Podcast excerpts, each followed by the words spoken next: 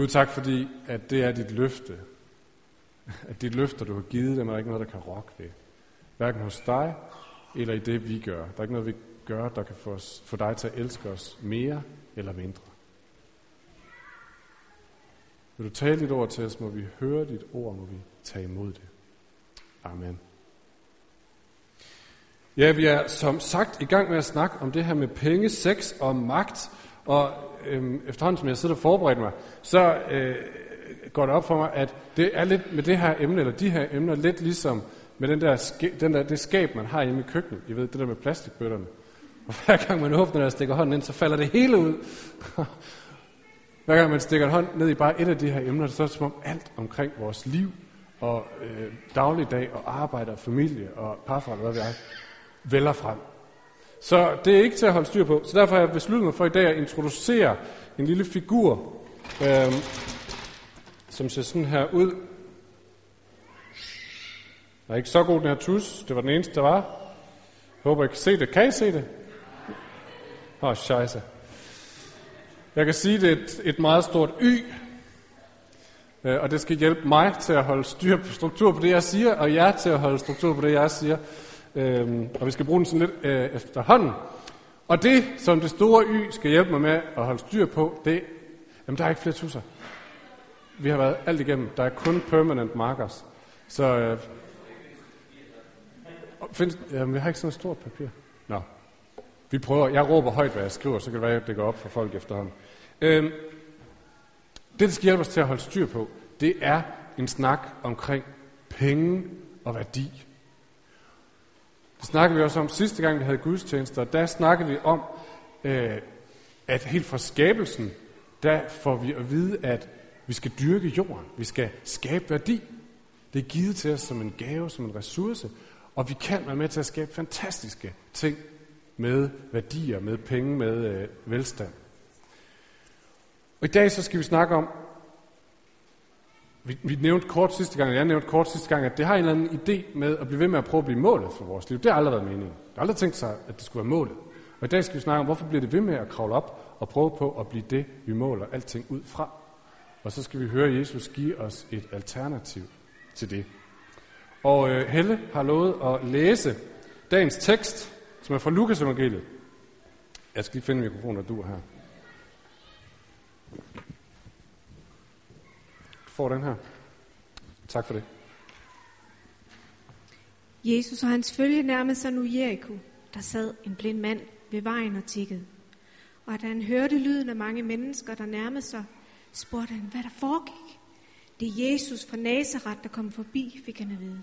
Så gav han sig til at råbe, Jesus, du Davids søn, forbarm dig over mig. De mennesker, der gik foran Jesus, søgte nu at få manden til at tige stille, men han råbte bare endnu højere. Du Davids søn, forbarm dig over mig. Jesus stansede og sagde, at man skulle føre den blinde mand hen til ham. Hvad vil du, jeg skal gøre for dig, spurgte Jesus. Herre, sagde manden, jeg vil gerne kunne se. Det er sket, svarede Jesus. Din tro har reddet dig. Og straks kunne manden se, og han begyndte at lovprise Gud og fulgte derefter med Jesus. Alle de omkringstående brød også ud i lovprisen. Tak for det. Så det vi skal se for os er altså, at Jesus kommer gående, og øh, rundt om ham, der er alle hans øh, disciple. Det er de 12, som vi får navn på i det nye testament, og så er det sandsynligvis en hel masse flere, som bare synes, det var interessant det her med Jesus. Så de er rundt, ham, rundt om ham, og Lukas fortæller øh, lidt tidligere, at han var på vej til Jerusalem. Faktisk så har Lukas fortalt os det mange gange siden kapitel 13. Det er det kapitel 18. Siden kapitel 13 har Lukas sagt mange gange, han var i øvrigt på vej til Jerusalem. Hvorfor siger han det? Det siger han, fordi, øh, hvad skal der ske i Jerusalem? Jo, Jesus skal slås ihjel, og Jesus han skal opstå, Jesus skal overvinde døden. Og det vil sige, hver eneste gang Lukas nævner det her, alt det, der sker i de her kapitler, er med til at pege frem imod, hvad betyder det, det der sker i Jerusalem? Hvad er det, det handler om? Og det er den her beretning altså også med til at fortælle os noget om. Hvad betyder det, at Jesus skal til Jerusalem og dø og opstå? Så vi har, altså det er næsten til grin, ikke? Men vi har første punkt, de møder en blind. Det er det, der sker. De møder en blind mand. Øhm, og han sidder, de var ind i Jericho, som er på vejen til Jerusalem.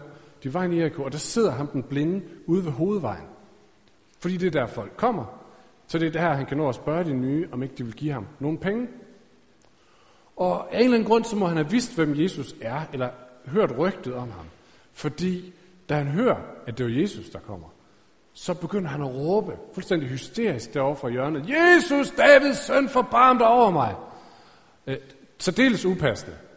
Og dem, som går forrest i det her, det her følge, de øh, synes også, det, det passer sig simpelthen ikke det her. Så de går hen, og så beder de ham om, hey kammerat, slap lige af, klap lige i. Og de øh, siger det ikke på nogen pæn måde. I den autoriserede oversættelse, der står der, at de truede af ham. Altså, øh, de har gået hen, så de sagt, nu hold du kæft, eller også et eller andet.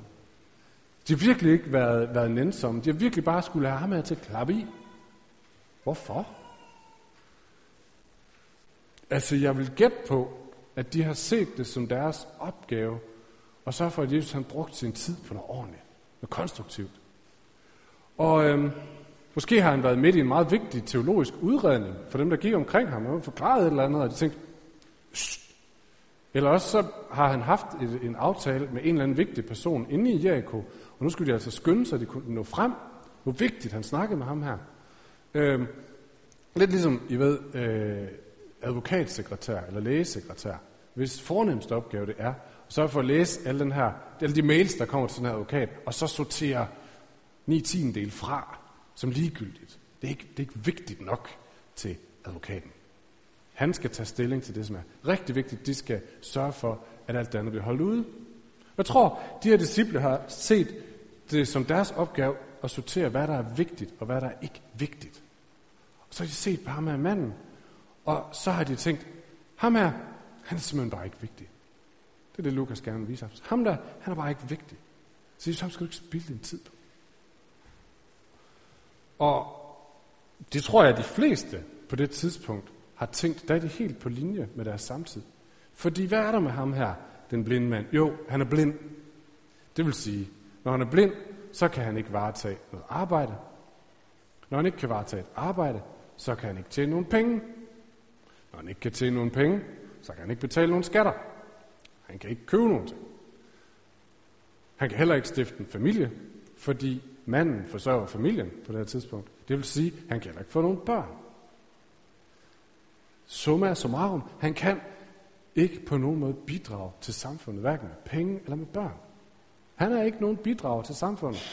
Og øh, så simpelthen har kigget på ham, og så har de tænkt, han er ikke nogen vinding ham er, han er tværtimod en omkostning. Han er ikke vellykket.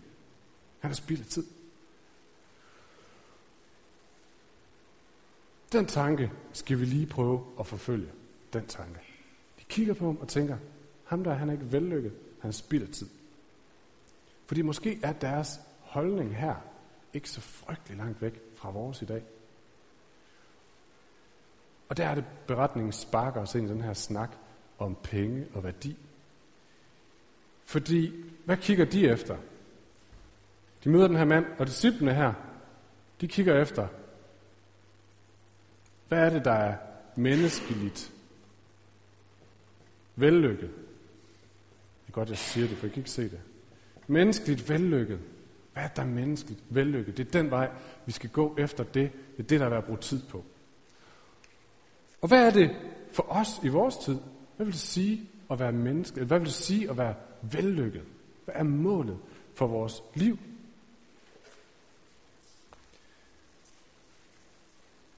Og jeg tror, forsøger at gribe i egen barm, jeg tror, at rigtig meget i mit hoved af, hvad vil sige at være menneskeligt vellykket, er meget hårdt bundet op på noget, der handler om økonomi.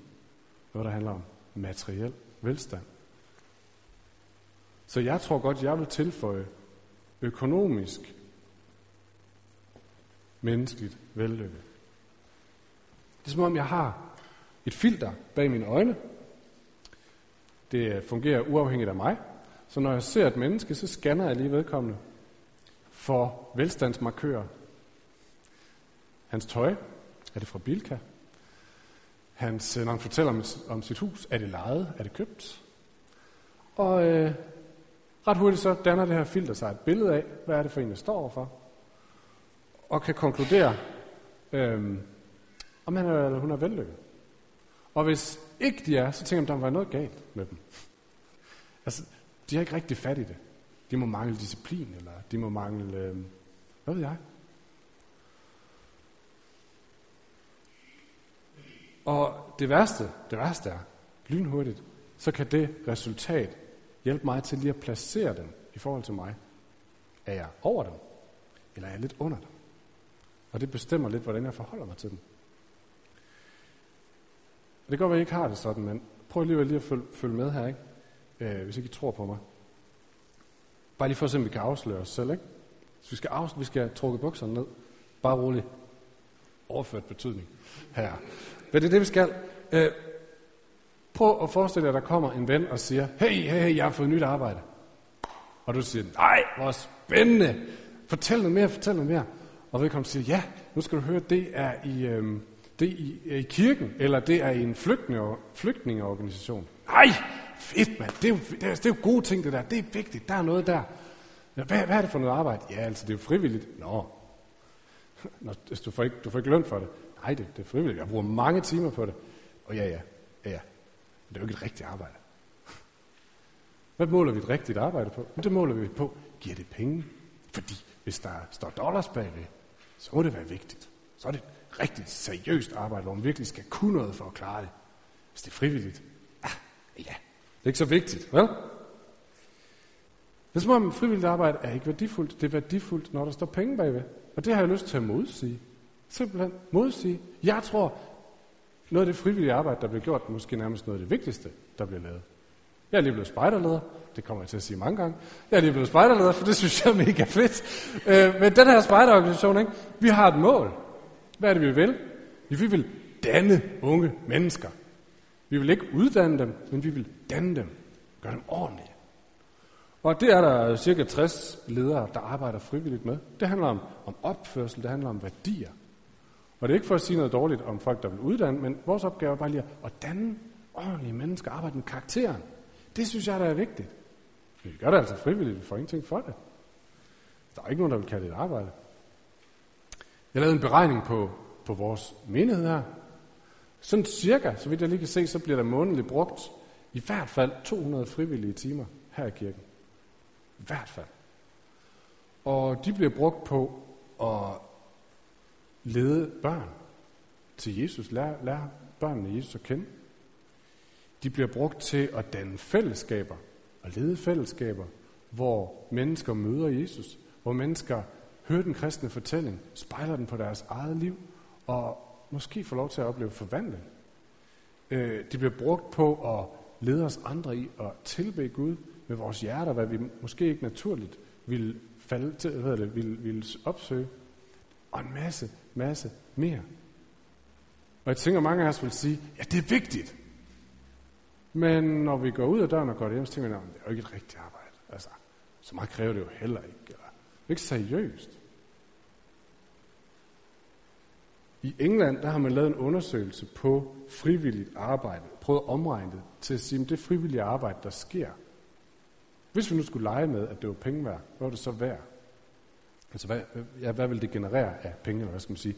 Og de har beregnet, at det øh, vil at der årligt bliver frivilligt arbejde for ca. 3,3 milliarder pund. Det er 27,5 milliarder kroner. Og det er bare et forsøg på at omregne det til økonomi. Men vi synes ikke rigtigt, det er seriøst, for der står ikke penge bag det. Fordi vi måler mennesker, vi måler arbejde, vi måler tid, seriøsitet, lige med penge. Et andet eksempel. Øh, da jeg var barn, så gik min mor hjemme øh, med os børn. Og hun er i virkeligheden uddannet ergoterapeut. Og det var også ikke, fordi hun ikke kunne få et arbejde. Og det var ikke fordi, at min far han tjente så meget, så hun ikke behøvede at gå hjem. Tværtimod, vil jeg sige. Men øh, jeg tror, hun gjorde det, fordi at de ville gerne lægge nogle kræfter i at skabe et hjem, hvor der var tid til omsorg. Der var tid til at se de her fire børn, de havde sat i verden. Der var tid til at skabe et, et liv omkring hjemmet. Og så må det der med økonomien jo holde på en eller anden måde. Øhm, det var altså ikke almindeligt, da jeg var barn. Så gammel er jeg heller ikke. Det var altså ikke almindeligt dengang. Men i dag er det jo slet ikke almindeligt. Prøv lige at gå ud på arbejdsmarkedet, eller på din arbejdsplads, eller i venneflokken og sige, jeg har valgt at sige mit job op, fordi jeg har valgt at gå væsentligt ned i tid, øh, fordi jeg vil gerne gå hjemme. Eller min ægtefælle har valgt det. Jeg er ret sikker på, at folk vil kigge på dig og sige, hmm, er der noget galt? Er du undertrykt? Fordi du producerer jo ikke noget. Du er jo ikke værdifuld. Altså, der står jo ikke dollars bagved. Altså, det, det, det er sådan lidt... Øh, altså, det er hyggetid, ikke? Det er hyggetid at bruge tid med børnene derhjemme. Det er hyggetid at få et hjem til at fungere. Det er hyggetid at have tid til at bruge krudt på de mennesker, som har brug for, at man lige er der en time mere. Det er jo bare hyggetid. Det er jo ikke rigtig seriøst. Der står jo ikke dollars bagved. Sidste eksempel på, hvor meget vi måler på penge, eller måler med penge. Øh, når vi får besøg af nogen, der kører Mercedes, så bruger vi lige dobbelt så lang tid på rengøring og madlavning, end hvis de kører Kia. Er ikke rigtigt? Hvorfor? På et eller andet tidspunkt, så er vi blevet enige om, at vellykkethed, det måler vi altså bedst på, betydningsfuldhed, det måler vi altså bedst på, penge. Simpelthen. Så det, der er værd at gå efter, det, der er værd at bruge tid på, det, der er rigtig seriøst og vigtigt her i verden, det kan man på en eller anden måde regne om til penge. Det har desværre de sørgelige konsekvenser, at der er en ret stor del af befolkningen, som falder uden for kassen. Ja, som ikke rigtig passer ind længere, for de er jo ikke vellykket menneskeligt set. Så vi har de handicappede. Vi slår dem ihjel, før de bliver født, fordi i vores øjne, så kan de jo ikke få et vellykket liv. De kan jo ikke producere. Altså, hverken lave, måske kan de ikke engang lave børn, men heller ikke lave penge. Eller kronisk syge. Hvis de føler, at nu er jeg nok ved at være en belastning, jeg, jeg, jeg yder ikke længere, så burde vi egentlig give dem lov til at slå sig selv ihjel, fordi jeg er også træt for dem. Jeg er ikke vellykket. Eller indsatte i fængslerne. Så begynder politikerne at snakke om, at de skal saftsus med ikke have julegaver. Fordi de, de bidrager jo ikke til fællesskabet. Tværtimod. De har ikke nogen værdi. Eller flygtninge. Altså, de kommer her. De får, får, får, får. De bidrager ikke. Lad os komme af med dem. Fordi vellykkethed, menneskelig vellykkethed, menneskelig værdi, det måler vi bare bedst i penge. Det er så dejligt nemt, det er et tal.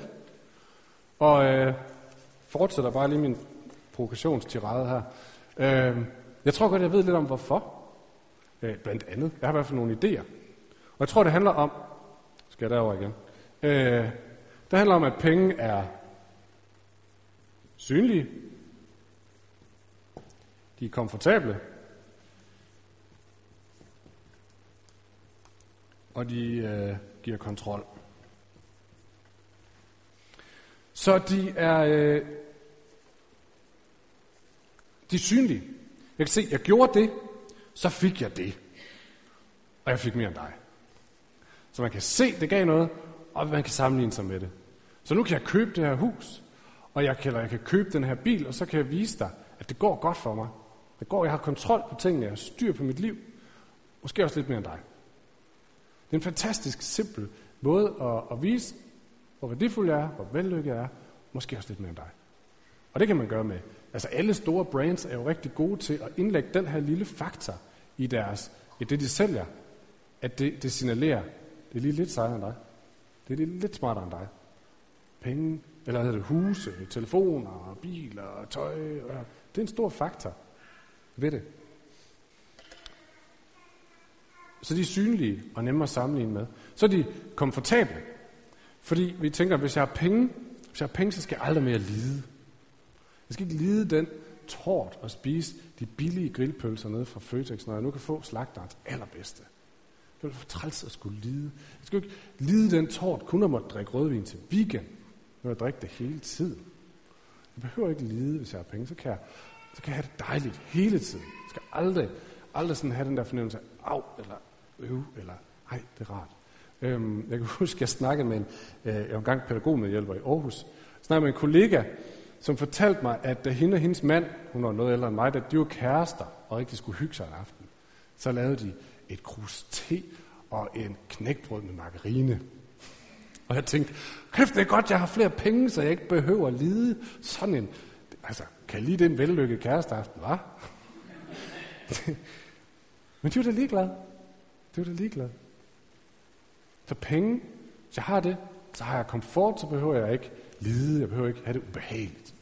Og en sidste ting, øh, penge giver mig en følelse af kontrol, en følelse af, af forudsigelighed. Øhm, så er jeg uafhængig. Der er, ikke, der er ikke andre ting, der skal bestemme, hvilke valg jeg kan træffe. Jeg kan træffe de valg, jeg vil. Der er ikke nogen begrænsning længere. Øh, og jeg behøver i hvert fald ikke være afhængig af Gud, fordi jeg skal nok gøre sådan, at jeg kan træffe de valg, jeg ønsker. Øh, eksempel, jeg har flere venner, som er musikere. Og øh, flere af dem, af dem, jeg har talt med, har simpelthen nærmest ikke kunne få lov til at låne penge til at købe et hus. Selvom de tjener godt med penge. Men de kan ikke frems, fremvise forudsigelighed. De kan ikke sige, hvad de kommer til at tjene, fordi det er sådan lidt afhængigt af, hvad de lige får ind af jobs og ting og sager. Øh, så banken siger, ja, kan man ikke regne med, I har ikke kontrol over jeres liv. I øh, er bare sådan lidt øh, useriøse. Der er ikke styr på jeres penge. Os derimod, der har fast arbejde og ægte mursten, vi tænker, vi har kontrol over det mange år i fremtiden. Altså, vi ved godt, hvad for en vej vi skal sejle. Der er fuldstændig styr på det. Det skal nok gå. Der er ikke noget af det, som en finanskrise ikke kan vælte om i løbet af en halv time. Eller den, I, de snakker om i aften, har vi århundredes flodbølge, måske. Det, øh, det kan hurtigt vælte de her forestillinger om at have kontrol. Men en eller anden grund, så bliver vi ved med at tro, Så vi har penge, så har vi kontrol, så har vi styr på det, så kan vi vise et vellykket liv. Så det var turen, den var lidt lang. Det var de-turen. Vi er tilbage ved Jesus og disciplene. Så disciplene de prøver ligesom at signalere til Jesus. Jesus, ham er han, han skal ikke være brugt tid på, fordi han er ikke vellykket. Han er ikke vigtig. Han er ikke rigtig vigtig. Han er spildetid. Og Jesus, hvad gør han? Han overhører dem heldigvis fuldstændig. Så han går direkte hen til manden og kigger på ham. Hvad ved du gerne, at jeg skal gøre? Og han siger, jeg vil bare gerne være rask. Jeg vil bare gerne kunne se, og Jesus helbreder ham. Og i det sekund, så viser han disciplene, at vellykkethed kan man bare slet ikke måle på de faktorer, de har målt på. Ham der, han er mindst lige så værdifuld som ham, der kan lave en million i Guds øjne. Hans evne til at tjene penge, hans evne til at stifte familie, hans evne til at se vellykket ud menneskeligt set, har ikke en kæft med hans værdi eller hans egentlige vellykkethed at gøre.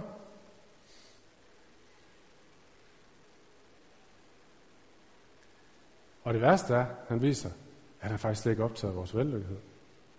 I hvert fald ikke vores menneskelige vellykkethed. Hvad han er optaget af, det kan man måske nærmere kalde vores guddommelige vellykkethed.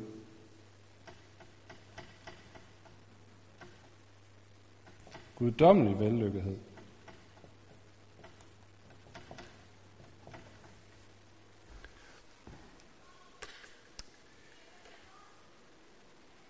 Hvad, kan, hvad skal man kalde, eller hvad er guddommelig vellykkethed? Jo, man kan også sige det noget andet. Han er optaget af vores hellighed. Han er optaget af vores hellighed. Og det betyder ikke, og det er vigtigt lige at få understreget, det betyder ikke, at han er optaget af, hvor hellige vi opfører os. Eller hvor mange hellige ting vi formår at gøre. Nej, når, hvad hellig egentlig betyder, er, at han er optaget af, at vi er dem, der er sat til side. Det er egentlig det, det betyder. Dem, der er udvalgt. Dem, der er blevet som, som faren, faderen har taget side, lagt sine hænder på og velsignet og sagt, du er noget helt særligt. Du er mit barn, og jeg elsker dig, og jeg vil sørge for dig for, fra nu af og til evig tid. Han siger, det er det, jeg er optaget af, når jeg kigger på et menneske. Så er jeg optaget af, at det her barn, det her menneske, har jeg taget til side, elsker jeg, er værdifuld for mig. Og han siger, det er det, der skal øverst på listen, på jeres liste. Det er fuldstændig lige meget, hvad der, om der står, hvad du tjener, eller dit hus, eller din bil, eller dit tøj, eller din sociale status, eller noget som helst andet. Det har ingenting med vellykkethed at gøre. Det jeg ser, det er, at du er en, der er taget til side af mig, og elsker mig, så er du vellykket. Og Bibelen er fuldstændig fuld af, af den slags løfter et kendt sted er et sted, hvor Jesus siger, søg først Guds rige. Vær først optaget af, at du er udvalgt af ham. At han har set dig, han har taget dig til side, han har velsignet dig. Søg det med alt, hvad du er. Lad det være det vigtigste på din liste. Det, der står allerøverst. Så skal alt det andet give sig i tilgift. Vi er som regel optaget af alt det andet, og så håber vi måske, at vi får Guds rige tilgift. Jesus siger, søg først Guds rige, så skal alt det andet give sig i tilgift. Et andet sted siger han, du kan ikke tjene både Gud og mammon. Med andre ord, du kan ikke jagte begge dele. Du kan ikke kæmpe for at blive menneskeligt set vellykket og hellig. For så vil du miste begge ting, siger han. Det er ikke fordi, der er en modsætning. Det er ikke sådan, at hvis du går den vej, så får du ikke det. Men det er helt sikkert sådan, at hvis du går den vej, så går du glip af det her, siger Jesus. Du kan ikke tjene både Gud og mammon, og det er jo frygtelig ynkeligt, ikke? Det er frygtelig ærgerligt. Vi er mere bange for at gå glip af mammon end af Gud. Et andet sted siger Jesus sådan her, frygt ikke du lille jord, for min far har besluttet at give dig riget. Min far har allerede besluttet, at du skal have det hele. Du skal have prinsessen og det halve kongerige, som slutter eventyret. Det er målet. Og Jesus siger, det halve kongerige, der har min far besluttet sig for at give til dig. Eller et andet sted siger Paulus sådan er, han som ikke sparede sin egen søn, vil han ikke med ham skænke os alt? Altså han har allerede givet dig sin søn. Han har offret ham på et kors for din skyld. Tror du, han stopper der og siger, åh, kammerat, nu har du fået det, der tilkom dig. Nej, vil han ikke fortsætte med sin generøsitet, sin gavmildhed? Vil han ikke give dig alt? Det er værd at kigge efter, siger Jesus, men det er jo et trospring. Det er jo ikke nemt, fordi det er at udskifte øh, det synlige med det måske usynlige. Det er helt sikkert at udskifte kontrol med minuskontrol, fordi jeg ved ikke, hvad der vil ske, hvis jeg nu bare søger det her af hele mit hjerte. Det er at øh, udskifte forudsigelighed med uforudsigelighed. Og det er at udskifte tillid til mig selv, kunne man skrive herover, til tillid til Gud.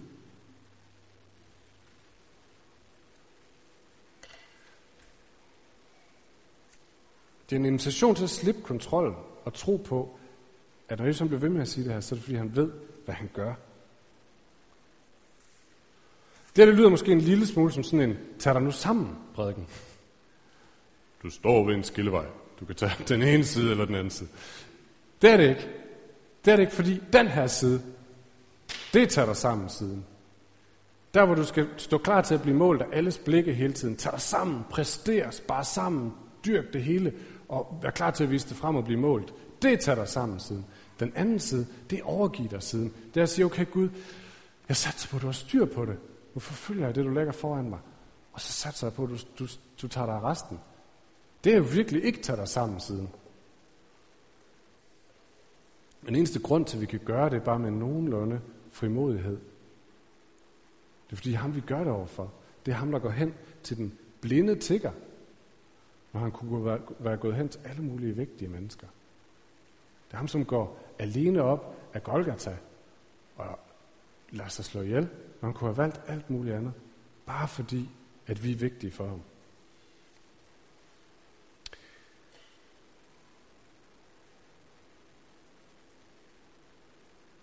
Hvordan gør man så det her? Bryder besættelsen, så at sige. Jeg tror, som med rigtig meget andet, så er det ikke noget, man bare lige gør. Jeg ved for mig selv, at jeg er mere formet af det her, end jeg selv tør erkende. Så hvordan gør man det? Jeg tror, det begynder i bøn. Og så tror jeg, det begynder, som Luther siger, med daglig omvendelse. Så hver morgen at sige, Jesus, jeg er fuldstændig klar over min egen tilbøjelighed til at gå efter det, der glimter, det, der giver prestige, det, der giver tryghed, det, der giver mig en fornemmelse af kontrol. Jeg er lidt ligesom en ravn, der bakser rundt hele dagen efter sølvpapirskugler, der glitrer. Jeg kender mit hjerte. Jesus, i dag vil du så vise mig noget, bare én ting, bare én ting, som har rigtig værdi.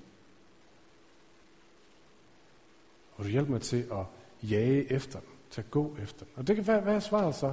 Jamen det kan være, at en dag så er det tage en halv time tidligere hjem fra arbejde. Det fremmer ikke min karriere, det glemte ikke. Eller på den længere bane, gå 10 timer ned i tid for at være til stede. Det glitrer heller ikke. Måske er det at hæve dit gavebidrag, de penge, du giver til andre mennesker, eller til godgørende ting og sager. Fordi du tænker, Gud, du sørger for. Måske der melde dig som spejderleder, eller børnekirkeleder, eller disciplegruppeleder, eller klyngeleder. Det koster penge, eller det koster i hvert fald tid. Men måske kan bare de der små skridt i lydighed bryde den her besættelse af, at alt, hvad der er vigtigt her i verden, det er med penge at gøre. Og forandring sker ikke ved, at vi tager os sammen. Forandring sker ved, at vi er der, hvor Gud han får lov til at forme nye handlinger. Sidst, den her forandring den er mulig, fordi ganske kort tid efter i Lukas evangeliet, faktisk i versene, der følger, der hører vi, at Jesus han møder en fyr, der hedder Zacchaeus. Og Zacchaeus, han er sygeligt optaget af penge. Han er så optaget af penge, så det koster ham stort set alle sin, hans venskaber. Øhm, og folk tænker, at han er fortabt. Men Jesus går ind til ham, bruger tid med ham, sidder og snakker med ham en aften, og da han går, så er forbandelsen brudt. Det vigtigste i verden er ikke længere det, som giver prestige og penge for Zacchaeus, men det er noget helt andet. Så forandring er muligt sammen med Jesus. Undervurder aldrig det. Lad os slutte med at rejse os op og bede sammen.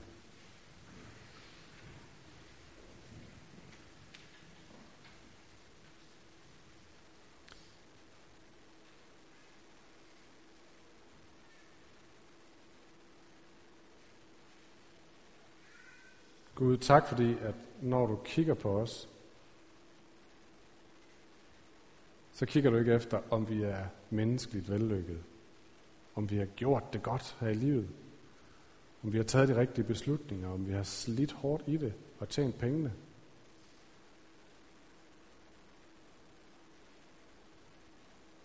Men du kigger på, at vi er dem, du har udvalgt. Vi er dem, du har lagt dine hænder på udtalt din velsignelse over, erklære din kærlighed.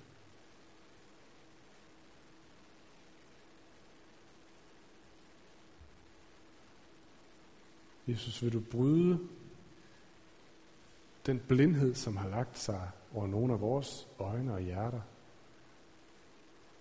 Så det eneste, vi måler på, det er, hvad ting er værd økonomisk. Hjælp os til at se det, som egentlig har værdi. Det, som hører dit rige til. Det, som hører dig til. Hjælp os til at se det, når vi vurderer os selv. Med den samme nåde, som du ser os med. Hjælp os til at se det, når vi vurderer andre mennesker.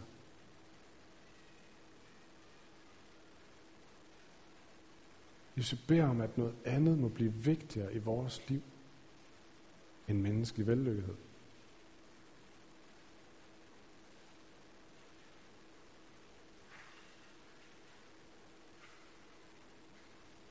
Lad os høre dit ord til os, at vi er værdifulde i dine øjne. Amen.